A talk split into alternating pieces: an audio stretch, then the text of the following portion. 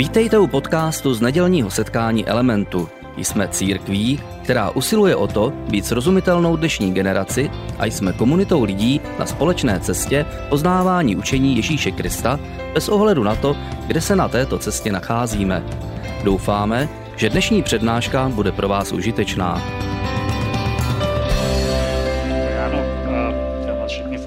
Rád, jste dorazili na první díl naší nové série. A jak jistě víte, element je křesťanská církev. Doufám, že to víte všichni, že jste tady v křesťanské církvi. A lidé mají za to, že křesťanská církev je primárně o Ježíši Kristu. A mají naprostou pravdu. Křesťanská církev je o Ježíši. Kristus je tím hlavním základem, tím jediným, na kterém stojíme a je to, je to pro nás ta nejdůležitější věc, kterou tady říkáme, protože věříme v Krista, v něho, v něho do něj dáváme svoji důvěru, na něm stavíme svůj život někdy, někdy z toho pro některé lidi vyplývá, že to, co nás by vlastně mělo zajímat z celé Bible, jsou především věci, které se týkají Ježíše Krista. To znamená především Evangelia. My jsme tady měli na konci minulého roku jakou sérii, kde jsme rozebírali, proč máme vlastně čtyři Evangelia v Bibli, které všechny vyprávějí ten příběh Ježíše Krista, vyprávějí ho z různých úhlů pohledu pro různé posluchače. A pro nás samozřejmě to je ta základní listina. Pro každou křesťanskou církev Evangelia je základ, na kterém, na kterém ta církev stojí. Je to základ takové té věrouky, čemu věří a také samozřejmě ty věci, které se o Ježíši píšou v Novém zákoně, těch různých dopisech, které píšou první křesťanští vedoucí těm různým církvím.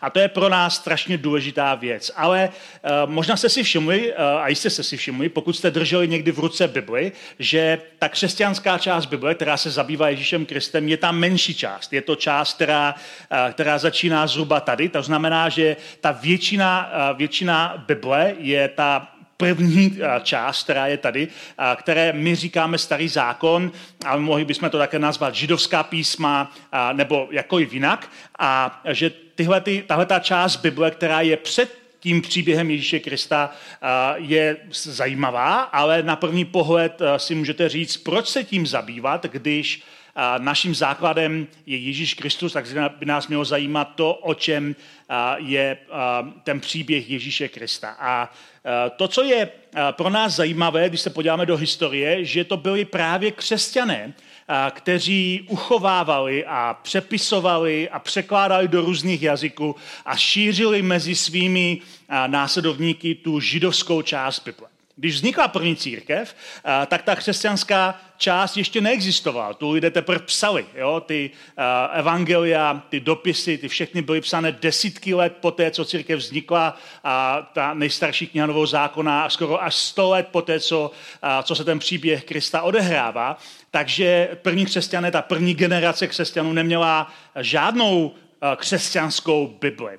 Tu jedinou Bibli, kterou měla, byla ta židovská Bible. A, první křesťané, když četli tu židovskou Bibli, tak dokázali Krista nacházet na stránkách té židovské části Bible, přestože tam Ježíš zmíněný jménem nikde není. Dokázali vidět, že je tam skrytý v různých příbězích a v různých principech a v různých a, a, okolnostech. Takže a, křesťané a, šířili a překládali tu židovskou část Bible a oni vlastně způsobili, že dneska lidé po celém světě v různých kulturách, které s židovstvím nemají vůbec nic společného, tak znají a cení si, váží si židovské židovských písem a toho, co my nazýváme starý zákon. To slovo starý zákon je poněkud nešťastné, protože když v češtině někdo řekne starý zákon, tak si pod tím představíte dvě věci, které, které nejsou úplně přesně to, o čem ta část Bible je. Představíte si, že je to zákon a že je hodně starý starý zákon. Že je to zákon, to znamená, že většina lidí, když si ptáte, o čem je Bible a specificky o čem je starý zákon, tak většina lidí si představí, že starý zákon je především popis různých pravidel, předpisů, zákazů, zákonů a podobných věcí. A samozřejmě ten starý zákon mnoho zákonů, předpisů, pravidel a podobně skutečně obsahuje. Ale je mnohem víc než to je mnohem barvitější a širší než jenom popis nějakých pravidel, příkazů, zákonů a tak dále. A ano, je to skutečně stará kniha. Ale i nový zákon je stará kniha. I nový zákon je 2000 let stará kniha. Starý zákon je ještě starší, je, je zhruba 3000 let stará kniha. Je to strašně stará kniha pro nás, pro dnešního člověka, který je zvyklý, že se věci mění každý den. Informace jsou nové každý den. Je to stará kniha. Ale ku podivu, příběhy téhleté staré knihy, přestože se odehrávají v kulisách na přelomu doby bronzové a doby železné, tak příběhy této knihy jsou pro nás velice aktuální a můžou promlouvat do našeho života víc, než se na první pohled zdá. Možná by bylo lepší nazývat uh, tu první část Bible jinak. Uh, některé překlady s tím trochu, uh, trochu pracují a říkají, že spíše je to stará smlouva. Stará smlouva, pořád je tam to slovo stará, ale stará smlouva implikuje, že je to nějaká smlouva mezi dvěmi stranami. Že je to způsob, jak Bůh jedná s lidmi před příchodem Ježíše Krista, o kterém křesťané věří, že je dokonalým zjevením Boha a to, co Bůh, jaký Bůh doopravdy je. A když budete ale číst ten, uh, ty příběhy té staré smlouvy, tak zjistíte, že lidé, kteří v ní vystupují, mají také autentický vztah s Bohem. Že jsou to plnobarevné postavy, které zažívají uh, ohromné věci, zažívají velké úspěchy, zažívají ale i hořké porážky, světlé momenty, kdy se přibližují k Bohu, kdy s ním mají opravdový vztah, ale zažívají také i momenty těžkých hříchů, zažívají svoje vyšiny, zažívají svoje doliny a Bůh s nimi jedná osobně. A ve starém zákoně, protože Bůh je stejný, v celé Bibli. Ve starém zákoně Bůh jedná s lidmi podobně jako v novém. Často jako přítel, a někdy jako otec, a někdy jako pán, ale jedná s lidmi osobně. Bůh jedná s lidmi osobně a Bůh si používá různé lidi osobně. A proto křesťané, když, když četli ty příběhy těch židovských písem, tak tom nacházeli boží jednání s lidmi před příchodem Krista a viděl, jak Bůh vlastně připravuje svět na příchod Krista. A proto to pro ně bylo velice vzácné a proto také šířili ty židovská písma i v době, kdy v církvi dávno převážela pohanská část. Pohanská část, si myslím všichni nežidé. A v době, kdy vzniká ten příběh, v době, kdy žil Ježíš, tak židé dělili svět na dvě, dvě poloviny. Velice samozřejmě různě veliké Žido, židé a všichni ostatní. Všichni ostatní jsou pohané, jsou to lidé, jsou to řekové, jsou to římané, jsou to pohané, jsou to lidé mimo ten vztah s Bohem, ale když čteme očima Krista ty příběhy starého zákona, tak vidíme, že Bůh jedná s těmi lidmi, kteří jsou mimo Izrael už v té době. Že Bůh pracuje už v té době, že Bůh si vždycky používá lidi a po celém světě tak, jak on uh, chce a používá si je, ať jsou kdekoliv, ať jsou jakýkoliv. A proto pro nás, když čteme ty příběhy starého zákona, tak je to pro nás poučení, je to inspirace, je to něco velice důležitého. A konec konců přesně takhle o tom píše v tom novém zákoně a v jednom dopise a církvi Apoštol Pavel, který píše o té první části Bible, proč je to tak pro křesťany důležitá věc. On tam doslova říká všechno, co bylo v minulosti zapsáno, bylo zapsáno pro naše poučení, abychom díky vytrvalosti a pozbuzení, které je v písmu, měli naději. On tady říká, a nemluví tady o novém zákoně, že ten ještě neexistuje, nezapomeňte na to. Mluví tady o a, písmu, o starém zákoně, o židovském písmu, říká to všechno, co je tady napsáno, to všechno, co tady bylo zapsáno, všechno, co tady ti lidé zapsali během těch, a, těch stovek let, to všechno, co je tady zapsáno, je zapsáno pro naše poučení, abychom díky vytrvalosti a pozbuzení, které tady najdeme, měli sami naději. Takže první křesťané, když četli ty příběhy té staré smlouvy, toho starého zákona, tak eh, viděli v tom konkrétní příklady, které pozbuzovali, které, eh, které eh, jim ukazovali na důležitost vytrvalosti, na důležitost vztahu s Bohem. A to všechno pro ně bylo poučení a díky tomu všemu získávali naději pro svůj vlastní vztah s Bohem. A takže křesťané, když pak začali používat ty evangelia, ten příběh Krista, tak používali evangelia něco jako lupu, jako, jako síto, jako, jako čočku, jako brýle, s kterým měřili všechny ty příběhy starého zákona. Dívali se skrze, skrze učení Ježíše, jeho světonázor, jeho etiku, jeho, jeho příslušnost takové radikální straně. To všechno, tím vše, vše, vše, všechno filtrovali se ve starém zákoně, protože Ježíš byl velice radikální, vyhlásil hlásil nové království, které má jiného vládce, než je císař, což bylo velice politické, radikální poselství a to byl důvod, proč křesťané byli pronásledováni v prvním a druhém století. Ale oni používali ty evangelia proto, aby filtrovali to, co je v tom starém zákoně, chápali to novým světlem, novým způsobem a to všechno pro ně bylo zdroj pozbuzení a naděje. Křesťané zároveň ale, a to je důležité si říct, když křesťané četli ty starozákonní příběhy a ty postavy ze starého zákona, tak si je rozhodně neidealizovali. Křesťané, když četli ty příběhy, tak, tak z nich nedělali něco víc, než to tam doopravdy je napsáno. Oni, oni nepředpokládali, že lidé, eh, že postavy starého zákona budou Eh, se chovat jako křesťané, kteří se řídí Ježíšovým učením a jeho etikou, protože ti lidé neznali Ježíše. Oni měli vztah s Bohem, ale eh, to zjevení plnosti Boha, které přišlo skrze Krista, to oni neměli. Takže oni si z nich nedělali ideální nějaké vzory. Nebyli to pro ně svatí lidé, nebyli to pro ně ani vzory. To všechno na neštěstí do církve přišlo mnohem později.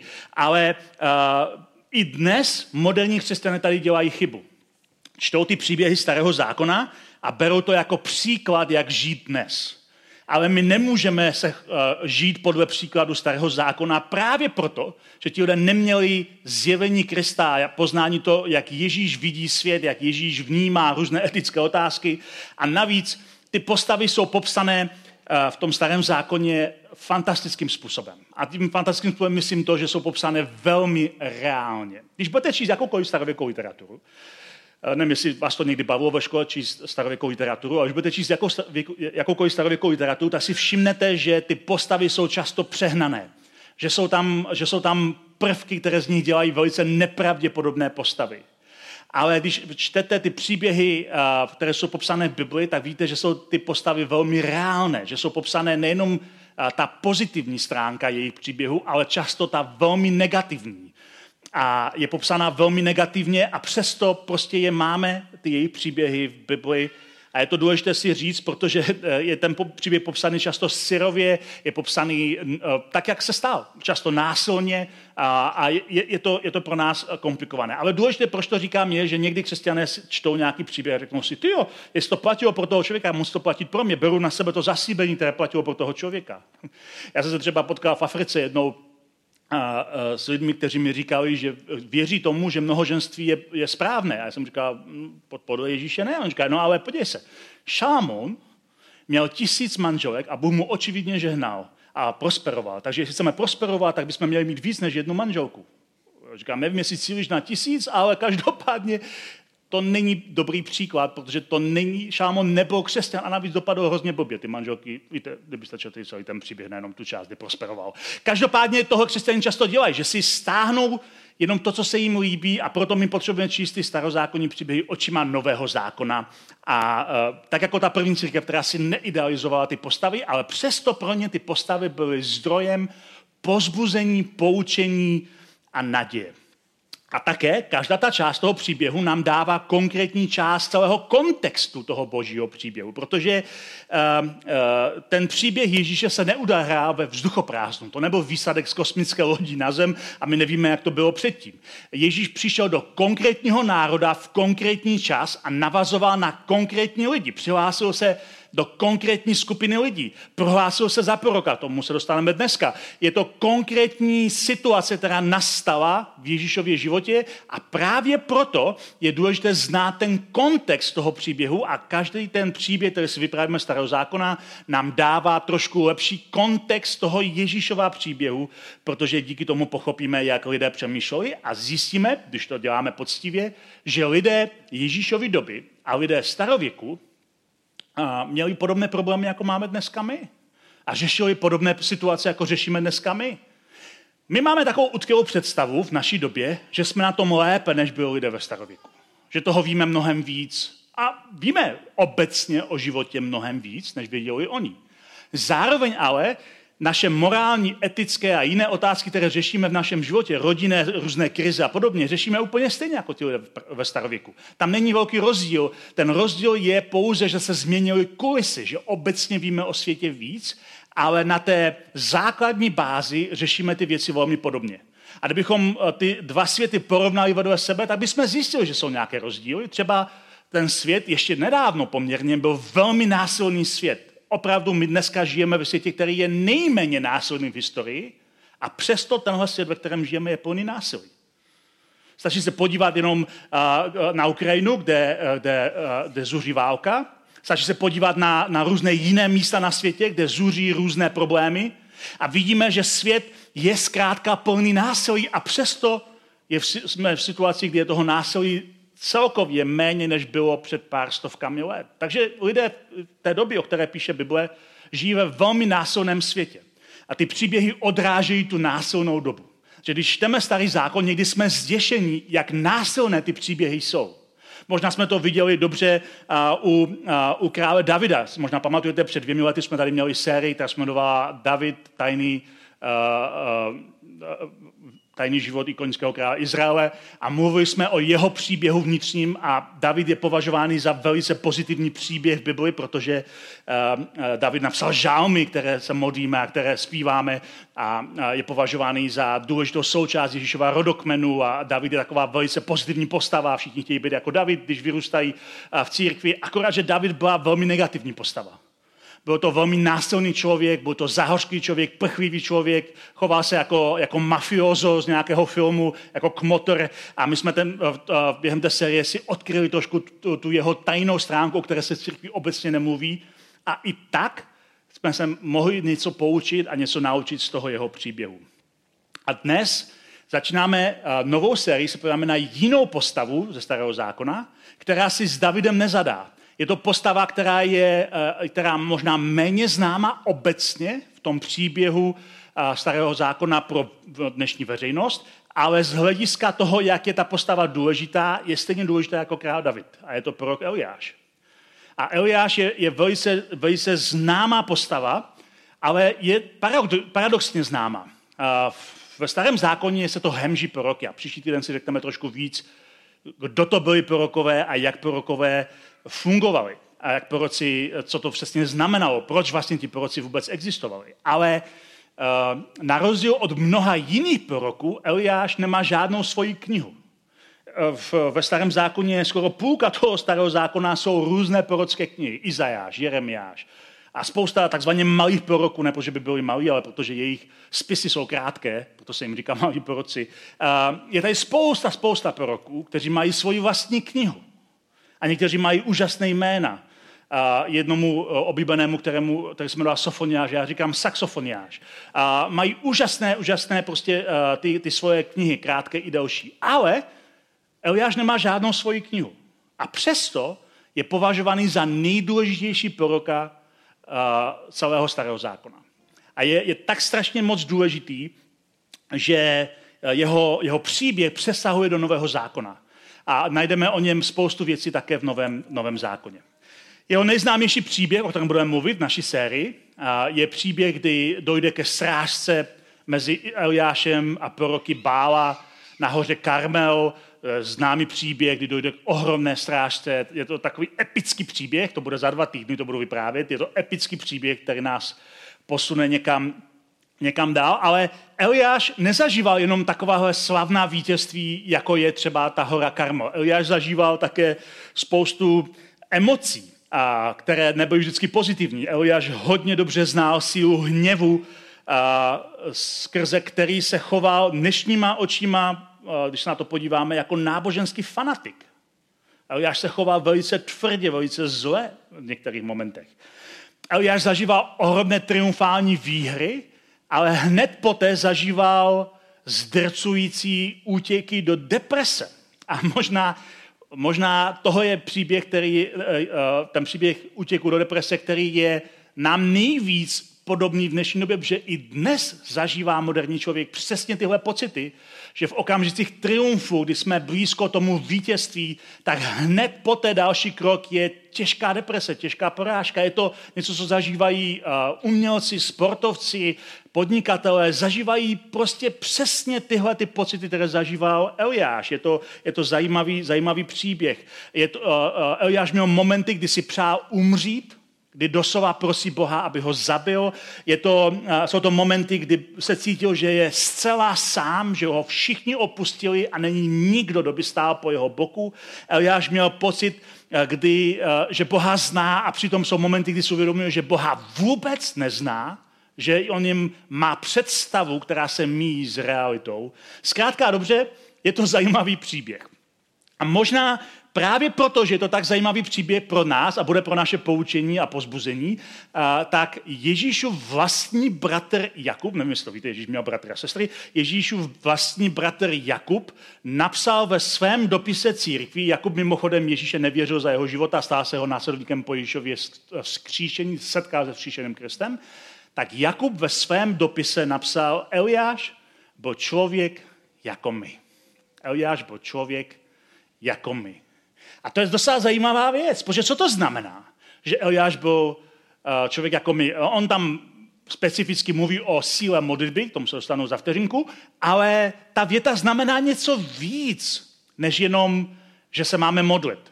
Eliáš byl člověk jako my, ukazuje, že Bůh si stále chce používat lidi, chce stále mít nějaké malé Eliáše, které vysílá do světa, aby připravovali cestu pro něj, protože tohle byl vlastně ten hlas Eliášu, že připravuje cestu pro to, aby Bůh mohl přijít ze svojí slávou. Jan Amos Komenský, kterou snad nemusím představovat v České republice, tak Jan Amos Komenský napsal celou takovou knihu na to téma napsal, že, že věří tomu, že povstane, povstane, povstanou třetí Eliášové, že jsou v Bibli vlastně uh, popsaní tři Eliášové. První Eliáš byl ten, o kterém mluvíme v naší sérii, druhý Eliáš byl Jan Křtitel, ale že povstanou ještě třetí Eliášové a že Bůh si přeje celou armádu třetích Eliášů, kteří budou mít horlivost toho prvního Eliáše, ale mírnost a laskavost toho druhého Eliáše, Jana, Jana Křtitele. A ten první Eliáš podle Komenského přišel z moci ohně, ten druhý Eliáš přišel z moci vody a ten třetí Eliáš, to jsme jako my, přijdeme z moci Ducha Svatého. To byla jeho představa, že svět potřebuje Eliáše a že my máme být těmi třetími Eliáši. A je to v celá souladu s tím, co Jakub píše, že Eliáš byl člověk jako my. A celá ta věta, jak už jsem zmínil, mluví o modlitbě. On tam, on tam říká Jakub. Vroucí modlitba spravedlivého dokáže mnoho. Říká, když se prostě modlíš, tvoje modlitba dokáže víc, než si možná myslíš. A pak tady říká konkrétní příklad. Eliáš byl člověk jako my. Byl člověk jako my. A když se horlivě modlil, aby nepršelo, na zemi nezapršelo tři a půl roku, pak se modlil znovu a nebe vydalo déšť a země úrodu. A možná si řeknete, počkej, počkej tady time out. Uh, proč se Eliáš modlil za to, aby nepršel? To nedává smysl. Zvlášť v situaci a v době a v prostředí, ve kterém Eliáš žije. Eliáš žije v prostředí dnešního Izraele uh, a Jordánska na tom, na tom pomezí a toho je zrovna místo, které zoufale potřebuje déšť. Proč se Eliáš modlí za to, aby nepršel? A tady se dostáváme do příběhu Eliáš. Protože Eliáš se modlí, aby nepršelo ze specifického důvodu a celé je to o, o, takovém, tom, o takovém tom srazu těch dvou temných sil, které, a, které za jeho života, on je toho svědkem, ale také účastníkem. A celý ten příběh začíná v knize, kterou najdete uprostřed toho starého zákona, která se jmenuje První královská. A první královská je kniha, která popisuje uh, příběhy uh, toho Izraele, uh, když byl v té zasíbené zemi. Různí králové, kteří přicházejí, odcházejí. Většina z nich jsou špatní, někteří jsou dobří. Proto se jmenuje první královská a druhá královská, která na to navazuje. A pak ještě první a druhá letopisu, která popisuje podobné příběhy trošku od jiného autora. Zkrátka a dobře, my se do toho příběhu vnoříme. První královské na konci 16. kapitoly, kde je napsána ta a taková ta okolnost, co se vlastně stalo, že Eliáš vystoupil na veřejnost. Takže eh, tam je napsáno 38. roku judského krále Asi začal královat Achab, syn Omriho. Teď, aby, aby jenom to vysvětlil, v té době je Izrael už rozdělený na dvě království. Jižnímu se říká Judsko severnímu se říká Izrael. To, aby vás to nemátlo, protože obě dvě ty části jsou Izraelité, ale ta uh, spodní Judsko, od toho pak máme slovo Žid, jako Judea, uh, židovství, a ten vrch se jmenuje Izrael A ten později v evangelích bude ta oblast, kterému se říká Samaří, kde dochází k těm třenicím mezi Židy a Samařany, ale to je příběh na někdy jindy. Zkrátka a dobře, a v, tady celý ten příběh začíná tím, že v Samaří, v tom, v tom severním království, kde se pohybuje Eliáš, se králem stává Achab, syn Omriho. Královal v Samaří celkem 22 let, což je poměrně dlouho, a páchá v hospodinových očích horší zlo než všichni před ním, což není úplně pozitivní začátek příběhu, ale podle, podle toho, kdo psal tu první královskou, Achab byl skutečně špatný král. Jakoby mu nestačilo držet se hříchu Jerobeáma, syna Nebatová, vzal si za ženu Jezábel, dceru sidonského krále Edbála, což byl pohanský král se celou tou svojí pohanskou etikou a uctíváním pohanských bohů. Odešel sloužit Bálovi a klanět se mu, tomu se dostáváme, protože Bál je tady důležitá postava v celém tom příběhu. Samaří postavil Bálův chrám a v něm Bálův oltář. Kromě toho vstyčil Ašeřin posvátný kůl. Takto Achab ze svými sudku popouzel hospodina. A, a Boha Izraele více než všichni izraelští králové před ním. Eliáš Tyžbejský, tady najednou vystupuje na scénu, přistěhovalec Gileádu řekl Achabovi, jakože je živ hospodin Bůh Izraele před jeho tváří stojím, v těchto letech nebude ani rosa, ani déšť, jedně na mé slovo. A takhle začíná ten příběh Eliáše. Jako, jako srážka mezi prorokem a králem. A možná si říkáte, proč teda ten déšť? Bál je považovaný ve starém zákoně za jednoho z nejhorších falešných bohů, kterému věřili lidé a civilizace okolo Izraele. Bál byl, byl boh, bůh plodnosti, bůh úrody, který se uctíval různými sexuálními orgiemi a Bál byl především Bůh deště a rosy. Takhle se mu přezýval, Bůh deště a rosy. A lidé uctívali Bála a Ašera, která, která taky změna v tomhle byla ženským ekvivalentem Bála, někdy považovaná za jeho manželku, ale také byla to bohyně úrody, bohyně deště. Takže když lidé uctívali Bála, tak tím vlastně vyjadřovali toho, ať hlavně prší protože Bál byl bohem deště, byl bohem rosy. A právě proto, že ten král Achab začal uctívat Bála boha své manželky a odešel od hospodina, od boha Izraele a strnul sebou celý národ. Tak právě proto Eliáš říká, tohle je pro tebe znamení, že ty, i když uctíváš boha deště a rosy, tak tři a půl roku nebude žádná, žádný déšť ani rosa téhle zemi. Protože ty uctíváš ně, něco falešného, utíkáš k něčemu, co si myslíš, že ti dá pokoj, že ti dá to, co hledáš a ve skutečnosti tam najdeš jenom bolest. Tak začíná celý ten příběh a si o něm myslíte cokoliv, takhle začíná Eliášův příběh. Pro Eliáše samotného ten příběh má zajímavé vyústění. On sám žije v severním Izraeli, takže sám a, žije v situaci, kdy, kdy má hlad, kdy nemá co jíst. A Bůh ho zvláštním způsobem a, zaopatřuje.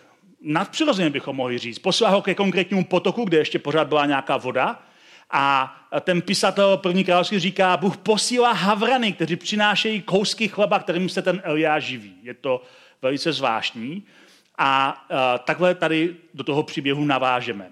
Havrani mu ráno i večer nosili chléb a maso a z potoka pil. Po nějaké době ale potok vyschl, protože tam bylo sucho, a protože v zemi nepršelo. Tehdy dostal slovo hospodinovo. Vstaň, jdi do Sarepty Sidonské, což nám nic neříká, ale bylo to mimo Izrael, bylo to, bylo to na místě, které patřilo pohanům, kde žádní uctívači Boha nejsou a kde Eliáš nemá co dělat. Ale Bůh mu říká, jdi do Sarepty Sidonské a zůstaň tam. Hle, přikázal jsem jedné tamnější vdově, aby tě živila. Což upřímně nezačíná ten příběh moc vesele. A vypadá to jako úplný pech hlavně pro tu vdovu, neprší, neprší, je sucho, je hlad a vdova vždycky ve starověku byla ta nejhůř postižená osoba, protože Neexistoval žádný sociální systém. Vdovy byly vždycky na tom sociálně nejhůř, byly nejchudší, byly byty ze všech stran.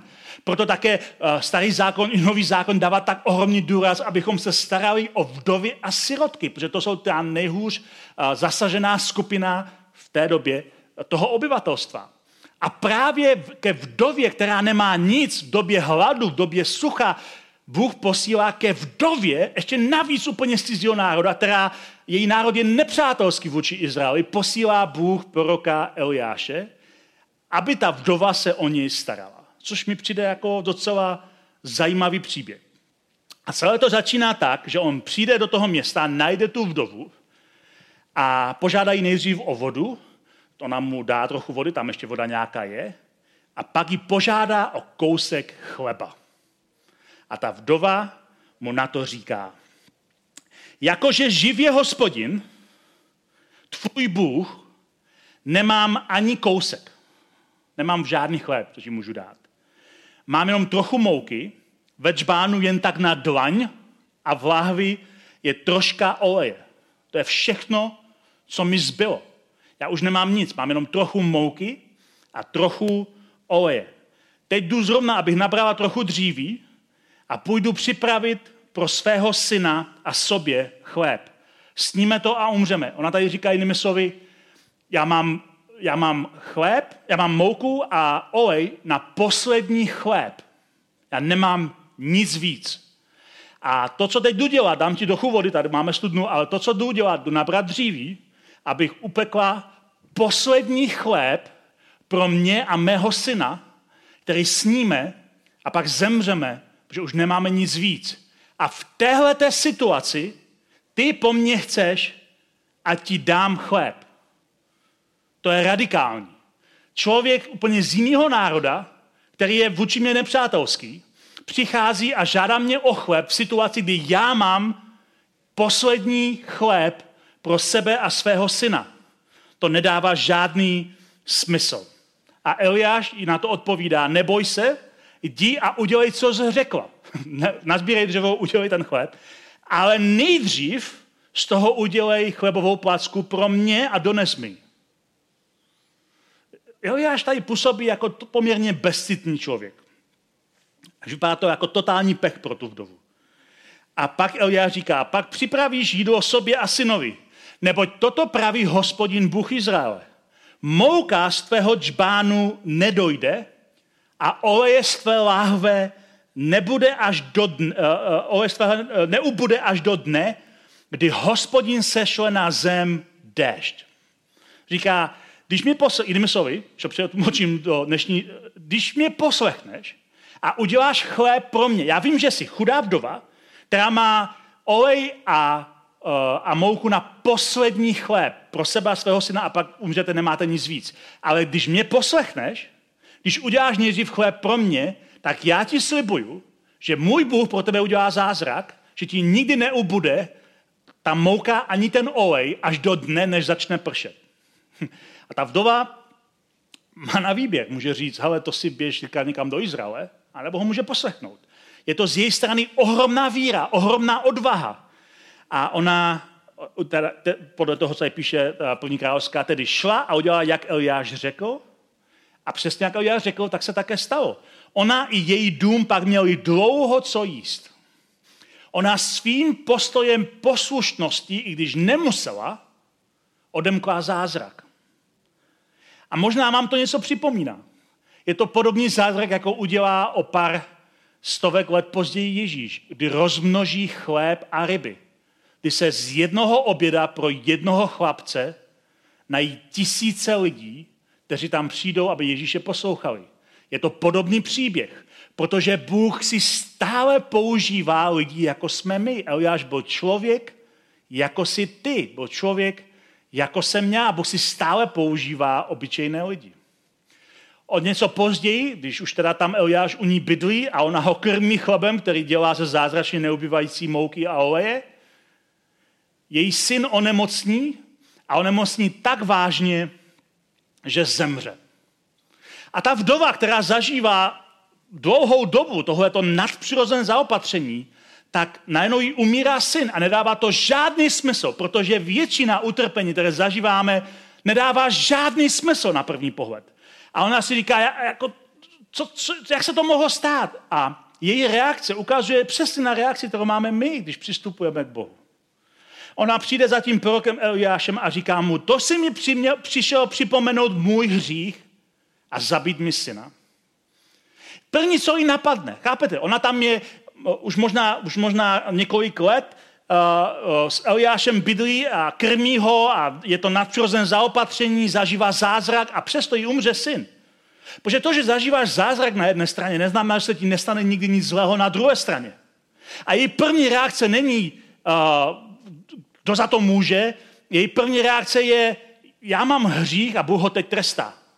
A Eliáš je tady vlastně nástrojem boží pomsty. Protože přesně takhle my vnímáme, že Bůh jedná. Přesně takhle si myslíme, že Bůh jedná. Já jsem tady nedávno měl sérii Dobrý Bůh, kde jsem přesně o tomhle to mluvil. Kde si myslí, že když se jim stane něco zlého, tak to musí být boží vůle. Bůh je trestá za nějaký hřích. Tohle je první reakce, kterou ona má. A tak často nás i v dnešní době napadají úplně stejné věci.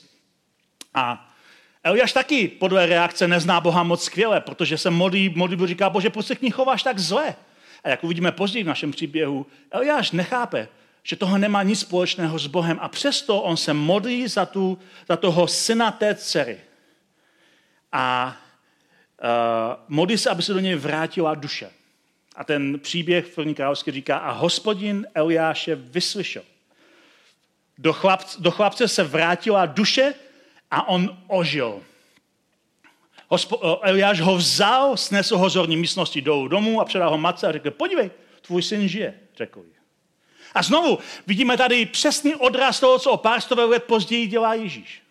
Kdy uzdravuje lidi a kdy křísí mrtvé.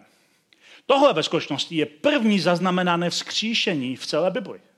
První, eh, kdy někdo byl vzkříšený z mrtví, je právě tenhle ten příběh Eliáše, kdy se modlí za syna té vdovy, která je pohanka z nepřátelského národa a ke které jí Bůh, kterého ho Bůh poslal. A jak vidíme, ten příběh symbolizuje něco mnohem většího a, a hlubšího, než je jenom ten samotný příběh. Ukazuje to, že když Izrael opouští Boha, aby sloužil cizím bohům, Bůh naopak hledá lidi v těch uh, národech, které Boha neznají a ukazuje jim svoji dobrotu, svoji lásku. Už tisíce let před Kristem jim dává najevo, že je Bohem i pro ně, že není Bohem pouze pro Izraelce. A Ježíš později přesně tenhle příběh použije při jednom ze svých nejslavnějších kázání, ve kterém se snaží zdůraznit jednu myšlenku a ta myšlenka je, že Bůh Izraele nepatří jen Izraeli, Není to totiž národní bůžek s agendou nacionalismu nebo agendou jenom pro jeden národ. Že Židé si možná myslí, Bůh Izrael je náš Bůh, ale Bůh má vždycky větší agendu. Bůh je Bohem celého světa a Ježíš používá přesně tenhle ten příběh, který Eliáš zažil s tou vdovou, aby ukázal, že Bůh vždycky, nejenom, že Ježíšem se to změnil, ale že vždycky byl spasitelem celého světa. Nejenom těch, kteří se narodili do správné rodiny, do správného kmene, nebo se správně chovají. A v Lukášově evangeliu to čteme, jak Ježíš to říká. Potom dodal, amen, říkám vám, že žádný prorok není doma vážený. A tady se Ježíš přihlašuje, že sám je prorok, a k tomu se dostáváme trochu příští týden. Řeknu vám popravdě, že za Eliášových dnů, kdy se nebe zavřelo na tři roky a šest měsíců a po celé zemi byl velký hlad, v Izraeli bylo mnoho vdov. Mnoho vdov které trpěli, mnoho vdov, které měly děti, mnoho vdov, které měly chléb a mouku, uh, mouku a, a olej na poslední chléb. Ale Eliáš nebyl poslán k žádné z nich, jen k jedné vdově do Sidonské Sarepty. A když tohle slyší Ježíšovi posluchači, protože chápou, co tím Ježíš chce říct, že chápou, že Bůh má srdce pro pohany stejně jako pro židy. Že Bůh má srdce větší, než máme my. A když to oni slyší, tak velmi dobře pochopí, co Ježíš chce říct a proto se okamžitě rozhodnou Ježíše zabít. A je to poprvé od Ježíšova narození, co pokusil zabít Herod, kdy se Ježíše pokouší někdo zabít. Dovedou ho nasrást, ho zhodit z hory a Ježíš se otočí a projde jej středem pryč. A takhle začíná cesta ke kříži. Protože ten příběh z té sidonské Sarepty je mnohem větší, než si myslíme, když ho jenom tak čteme. A Ježíš se v tomhle příběhu přihlášuje mezi proroky. Kdo byli proroci? Kdo jsou proroci? Proč jejich služba vyvolávala tak uh, silné emoce? Proč jejich služba, když sloužili, tak, tak lidé měli chuť ty proroky zabít, a jak si ukážeme příští týden. Většina proroků byla zabita násilně. Co tak štvalo lidi na prorocké službě? A proč je Eliáš považovaný za toho největšího proroka starého zákona? Jsou strašně důležité otázky, na které se podíváme příští týden. Děkujeme za poslech přednášky z nedělního setkání Elementu.